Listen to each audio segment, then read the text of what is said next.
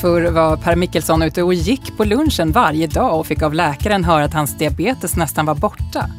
Men så kom han ur de där vardagliga rutinerna, blev mer stillasittande och har nu fått så försämrade värden att han riskerar att behöva ta sprutor. Per gästar oss i det här avsnittet av Typ 2-podden Att leva med diabetes, där vi pratar om betydelsen av att röra på sig.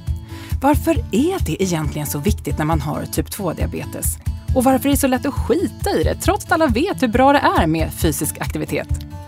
Du som lyssnar ska känna dig varmt välkommen.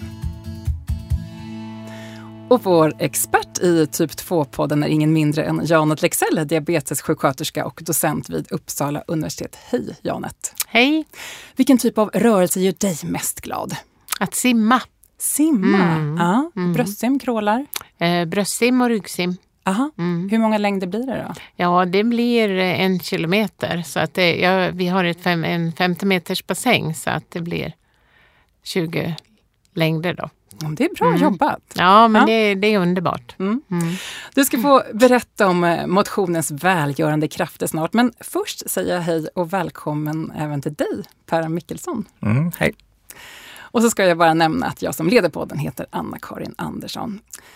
Per, eh, när du fick veta att du hade typ 2-diabetes, då hade du ett ganska stillasittande jobb som systemvetare och du är ingen direkt träningsfantast i grunden har jag förstått.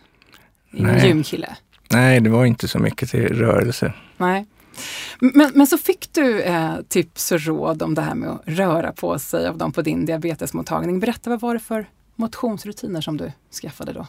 Ja, de tyckte att man skulle börja promenera mera. Ja. Och då så gick jag ju fram och tillbaka till tunnelbanan. Hur långt är det då? En kilometer ungefär. En kilometer till och sen en kilometer då på hemvägen? På kvällen, ja. ja. Och då kom jag på efter ett tag att man kunde ju gå runt eh, Observatoriekullen. Ja, i Stockholm där du har ditt ja. jobb. Ja. Och det är nästan två kilometer det. och promenera där på, på Och sen så går man upp för trapporna där och så sådär. Och sen så kom jag på att man slutade åka hiss på jobbet. Ja. Men, men, men de här lunchpromenaderna, menar du att alltså, du, du började gå varje lunchrast eller? Ja, jag skaffade en jacka som hade sån huva. Aha. Som man kunde gå ur och skur. Så även om det var sån här mm, snålblåst ja, och snöglopp. hagel, ja, du gav dig ut? Ja, så gick ja. jag alltid på lunchen ett varv där. Och då kom jag upp i nästan 10 000 steg om dagen. Ja, du hade en sån stegräknare? Ja. Men gick du ensam eller hade du någon sällskap och någon kollega? Eller? Ja, jag gick mest ensam, men ibland så hade jag också sällskap av en kollega. Men eh, jag såg till att gå varje dag så att få den här... Um, Med rutinen? Ja, att enkelt. rutinen skulle funka. Och då gick ju mitt eh, blodsocker ner ganska så mycket. Så att jag tror verkligen att det här med att göra någonting varje dag, är det här återkommande just, det är det som är nyckeln till det hela. Mm, du har liksom fått svart på vitt promenadens betydelse kan man säga. Ja, och mitt långtidsblodsocker gick ju ner jättemycket. Så att ett tag så hade inte jag diabetes längre.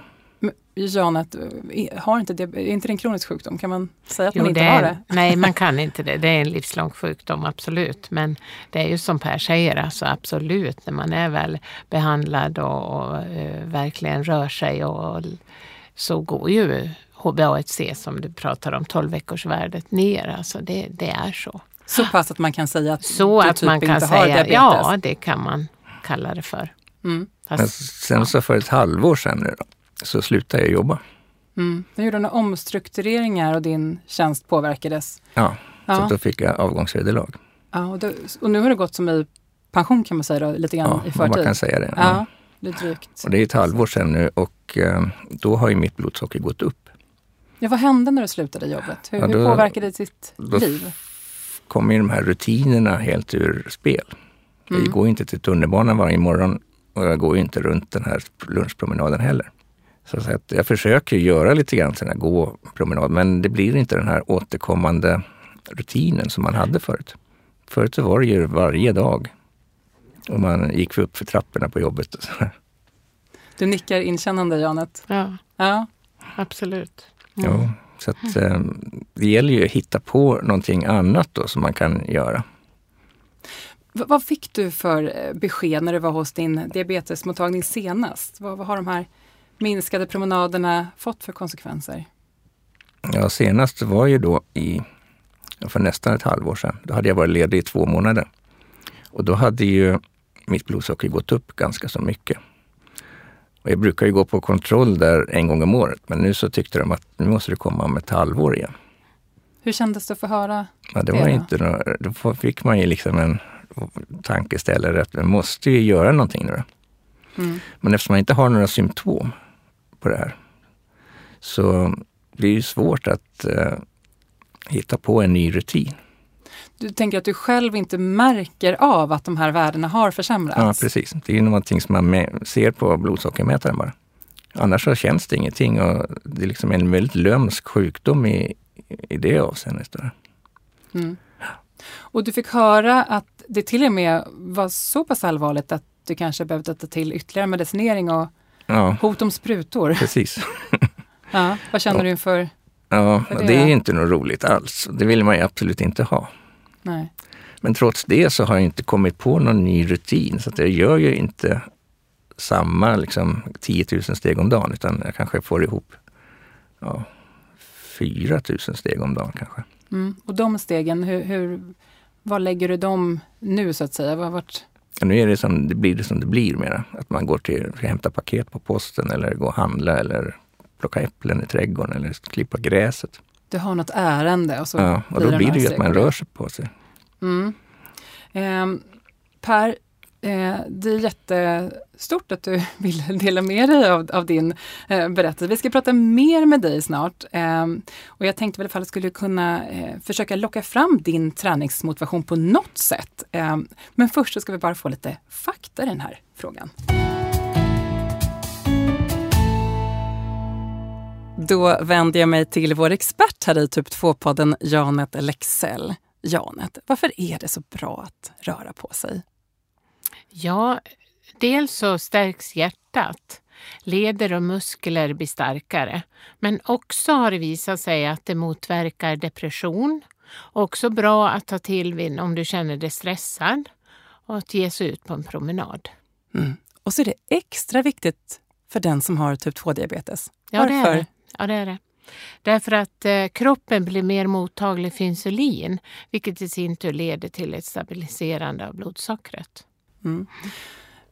Men eh, hur mycket måste jag röra på mig då? Det finns studier gjorda. Framförallt Finland har varit jätteduktiga och gjort, gör studier just på det här med fysisk eh, aktivitet eller hur mycket man rör sig. Och då har man sett att 6000 steg per dag Eh, och då behöver man inte ha 6000 på, en, på ett bräde utan det kan man sprida ut över dagen. Och hastigheten och intensiteten spelar ingen roll? Spelar utan... mindre roll. Mm. Mm. Det är just att röra på sig som är det primära. Mm.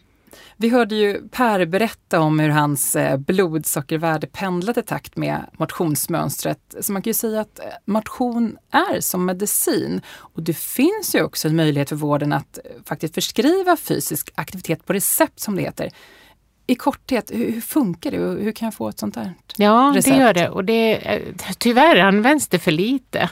För det är en väldigt fin möjlighet.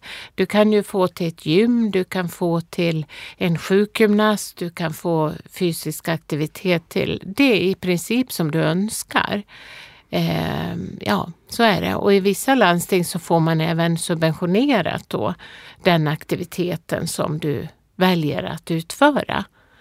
Därför att det är precis som du säger, fysisk aktivitet är en behandlingsform vid typ 2-diabetes. Hur får jag tag i sånt här recept? Då? ja, jag... det, det är läkaren eller sjuksköterskan då som kan skriva ut det. Men jag kan be om det som Absolut. patient i alla fall? Absolut. Lägga upp det på bordet som ett förslag? Det kan du göra. Och då skulle jag vilja ha lite så här mm. dans eller ja, simning. Det just, kråla skulle jag vilja lära mig. En mm. krålkurs skulle jag vilja ha på recept. Vad skulle mm. du vilja ha på ditt? Eh, ja, jag kanske skulle vilja kunna simma lite längre än vad jag gör. Lite mer uthållighet. Du ger inte? Mm. Tusen meter räcker inte? Nej, nej jag skulle vilja simma 2000. Ja, ja det, det får vi fixa på ett recept. Ja, Janet, vi hörde ju Per berätta om att han fått svårt att få till det här med motionen senaste tiden och han är ju inte ensam med den här svårigheten. Vad är det som gör att det är så svårt för många att eh, klara av det här rådet om att röra på sig? Och vet du, jag skulle säga så här, den som har svaret på den frågan den får säkert Nobelpriset. För så svårt är det och det går upp och ner. Och ja, det, så, så är vi människor. Ehm, ja, det kan vara så mycket hinder som gör att vi väljer att inte röra på oss. Vi kan ha lite ont, vi kan känna oss lite halvdeppade. Ja, mm. Det är jättesvårt, men viktigt att prata om det, precis som vi gör här. Och, och, och, jag tänkte att vi ändå skulle avsluta med att eh, ge lite råd eh, till dig Per. Vi kan ju inte gärna lämna dig vind för våg med risken att du ska behöva ta ännu mer medicin som en följd av det här stillasittandet. Eh, vad har du själv för tankar Per? Ja, nu när vi pratar om det på det här sättet så har jag faktiskt blivit lite inspirerad. Ah, redan på det här samtalet? och kommit på det att för många år sedan så tränade jag löpning återkommande varje lördag. Ah, du hade en dag då som du sprang på? Ja, och då har jag faktiskt sprungit ett millopp två gånger. Jag har sprungit sju kilometers lopp tre gånger. Du har det i dig? Ja. ja och då, det kändes ju väldigt bra. Så då tänkte jag att då skulle man ju kunna schemalägga det nu. Men inte det är en bra idé, Men det är väl en jättebra idé? Det är väl helt otroligt? Jo, bara man kommer igång med någonting som man gör kanske varannan dag eller så. Man kanske man springer tre kilometer eller fyra.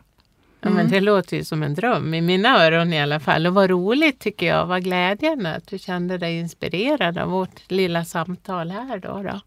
Men är det inte just rutiner, jo, eh, jo, rutiner, som kan hjälpa till att få in det?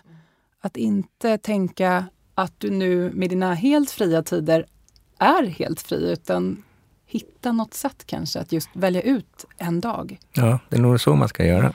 Mm. Sen tror jag också, om man nu tycker om att vara i grupp, så finns det ju många vårdcentraler runt om i vårt avlånga land som erbjuder då eh, gruppaktiviteter. Att man gör i samband med årsbesök till exempel så samlar man då en grupp människor och så går man ut så startar man en sån här promenadgrupp och så är man flera som går ut och går och sen går man och fikar lite efteråt. Det kan ju också vara ett sätt. Mm. Skulle du vilja ha sällskap på promenaderna? Känns ja, det någonting för dig? Jag tror att det är bättre om man kan ha ett eget schema. Okay. Ja, du är mer en mm. ensamvarg. Mm, du är ensamvarg, ja. så ja. Precis. Ut och, och, och, inte ta i för hårt då, om du ska ge dig ut nu efter att ha varit lite mer Nej, man får ju börja liksom lite, lite lugnt. Då. Så kanske springa en gång i veckan till att börja med, sen så ökar det till mm. två eller tre gånger. Men just komma in i någonting sånt här återkommande, det tror jag på. Mm. Skulle det vara en morot för dig om du sen efter det på en kontroll fick höra att det faktiskt också hade fått en effekt på dina värden? Absolut. Då har du något att jobba mot. Ja. ja.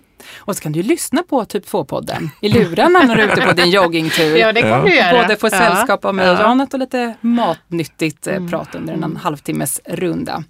Eh, och med det så avslutar vi eh, det här avsnittet. Lycka till Per Mickelsson med ja, dina löprundor. Ja. Eh, och tack för din medverkan i Typ 2-podden Att leva med diabetes. Och tack säger jag även till vår kära expert Janet Lexell, diabetessjuksköterska och docent vid Uppsala universitet. Typ 2-podden det är en produktion från det forskande läkemedelsföretaget Böringer Ingelheim och jag som leder podden heter Anna-Karin Andersson och jag tackar nu för den här gången. Hej svej!